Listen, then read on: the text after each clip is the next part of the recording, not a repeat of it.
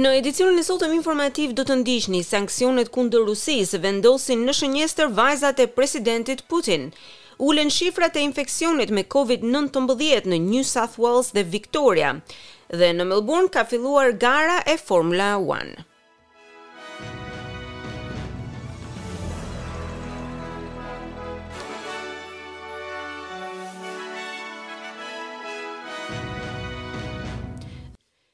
Dhe fillojmë gjërësisht me lajmet. New South Wales ka regjistruar dhjetë vdekje të tjera nga Covid nëntëmbëdhjetë, shtatëmbëdhjetë mijë e pesëqind e nëntëdhjetë e shtatë infeksione të reja në periudhën e raportimit të njëzet e katër orëve të fundit. Numri i rasteve ka rënë disi në krahasim me njëzet mijë e treqind e nëntëdhjetë e gjashtë raste dje. Në spital gjënden një mijë e katërqind e tridhjetë e shtatë persona, prej të cilëve dyzet e shtatë janë në terapi intensive. Victoria ka regjistruar shtatë vdekje të tjera nga Covid nëntëmbëdhjetë dhe nëntë mijë e gjashtëqind e dhjetë infeksione të reja. Numrat e rasteve gjithashtu janë ulur disi nga njëmbëdhjetë mijë e njëqind e nëntëdhjetë e dy infeksionet e djeshme. Në spital gjënden treqind e gjashtëdhjetë e gjashtë persona, nga të cilët pesëmbëdhjetë gjënden në terapi intensive, tre prej tyre janë në ventilatorë. Qindra banorë në New South Wales janë urdhëruar që të qëndrojnë në gatishmëri sepse ka mundësi të evakuohen, ndërkohë që edhe kanë filluar pushimet e shkollës. Autoritetet thanë se do të marrë disa kohë derisa të thahen plotësisht depozitat e ujit nëpër rezervuare. Reshjet e mëdha u lehtësuan në pjesën e dytë të New South Wales, megjithatë përmbytjet ka të ngjarë të vazhdojnë në një pjesë të madhe të qytetit të Sidnit gjatë fundjavës. Vazhdojnë të mbikëqyren nivelet e lumenjve në Hawkesbury dhe Nepean, si dhe njëmbëdhjetë zona të tjera të cilat mbeten nën urdhra të vazhdueshëm evakuimi. Një mijë e dyqind persona janë evakuuar, në gatishmëri gjënden një mijë e pesëqind të tjerë. Premieri i New South Wales, Dominic Perrottet, tha se personat e prekur do të kenë të drejtë të marrin kompensime financiare. If you've lost your home because of being um, because of the flood, you should get financial support. Um, you can't you can't discriminate based on LGA. Nëse keni humbur shtëpinë për shkak të përmbytjeve, keni të drejtë të merrni mbështetje financiare. Nuk mund të diskriminoheni në bazë të zonës së banimit.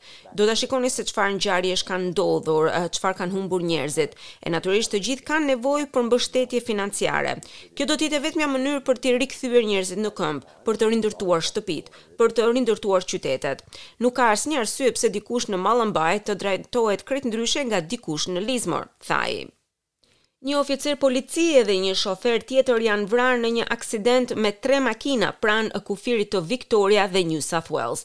Policia tha se një makinë policie dhe një makinë tjetër u përplasën me njëra-tjetrën në Red Cliffs afër Mildurës rreth orës njëzet e dy të mbrëmjes dje. Një oficere policie humbi jetën, një person tjetër është në gjendje kritike në spital. Shoferi i makinës mbeti i vrarë, dy fëmijë që ishin pasagjerë u dërguan në spital. Të plagosur kanë mbetur edhe drejtuesi i një makine të tretë dhe një fëmijë pasagjer, të cilët ndodhen në spital nën mbikëqyrjen e mjekëve. Policia i ka bërë thirrje kujtdo që ka informacion të kontaktojë menjëherë shërbimin e ndaluesve të krimit. Bashkimi Europian si dhe Shtetet e Bashkuara të Amerikës vendosën sanksione ndaj dy vajzave të rritura të presidentit rus Vladimir Putin, si pjesë e një pakete të re masash, të cilat synojnë ekonominë, biznesmenët dhe oligarkët e Rusisë.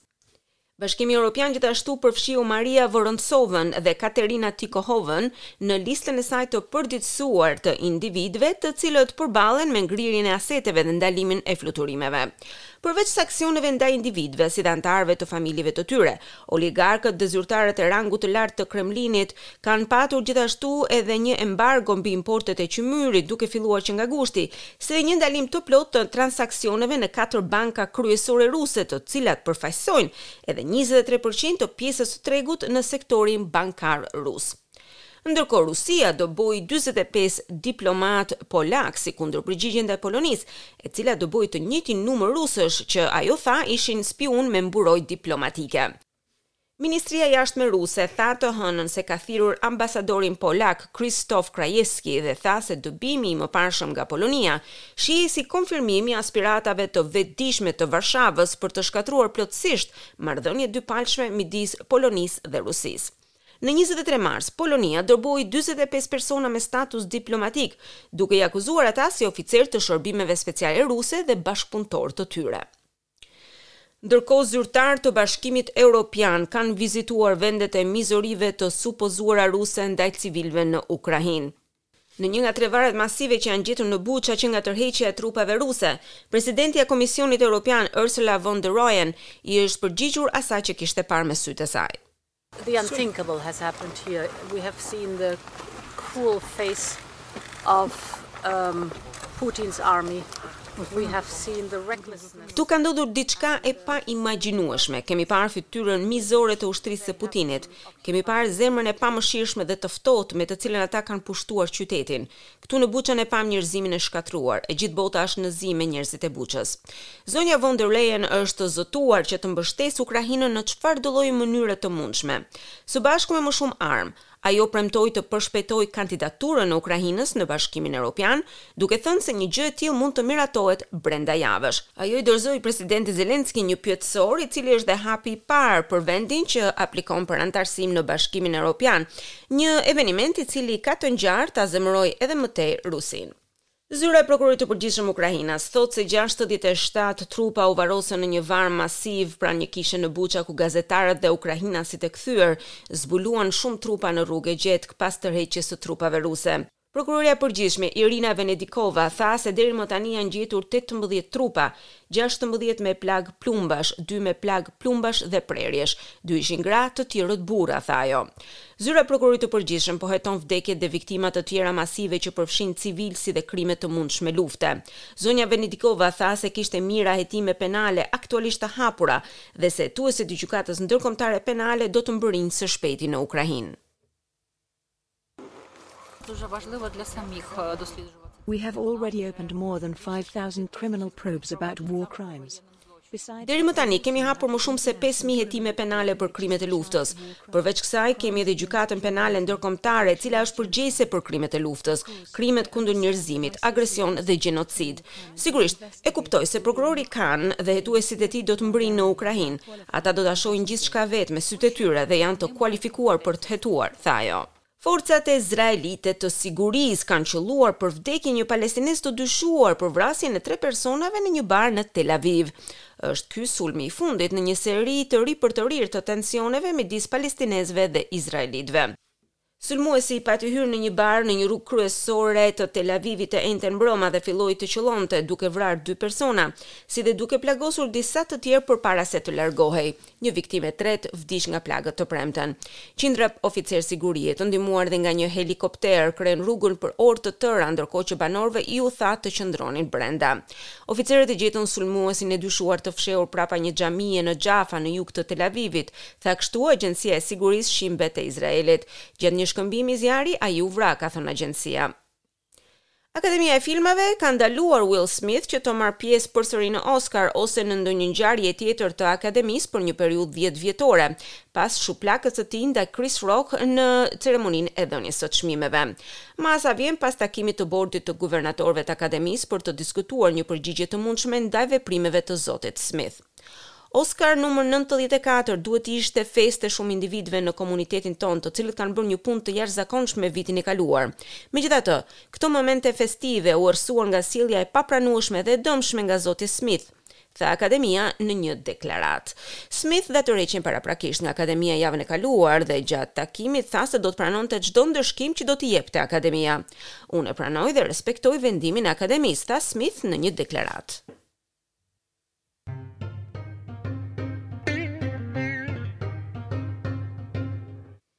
Kalojmë tani në kursin e këmbimit të valutës australiane. Një dolar australian sot këmbet me 83 lekë shqiptare, 0.69 euro, 0.73 dolar amerikan dhe 42.2 denar maqedonas.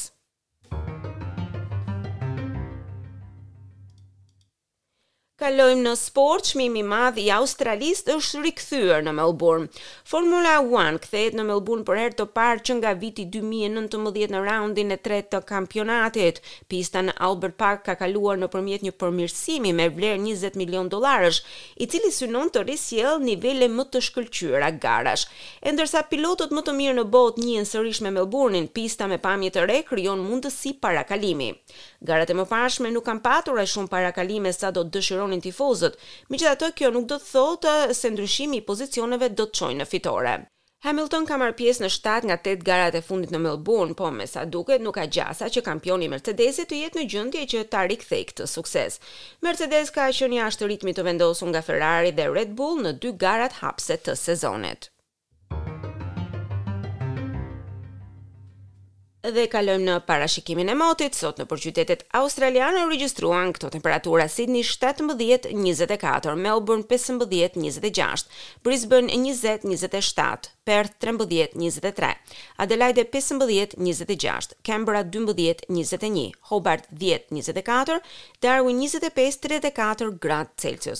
Për nesër byroja e parashikimit të motit sjell këto temperatura, Sidni shtatëmbëdhjetë, njëzet e pesë, Melburn shtatëmbëdhjetë, njëzet e gjashtë, Brisban nëntëmbëdhjetë, njëzet e tetë, Perth trembëdhjetë, njëzet e dy, Adelaide tetëmbëdhjetë, njëzet e nëntë, Kanberra dymbëdhjetë, njëzet e tre, Hobart pesëmbëdhjetë, njëzet e katër dhe Darwin njëzet e katër, tridhjetë e katër gradë Celsius. Dëgjuat edicionin informativ.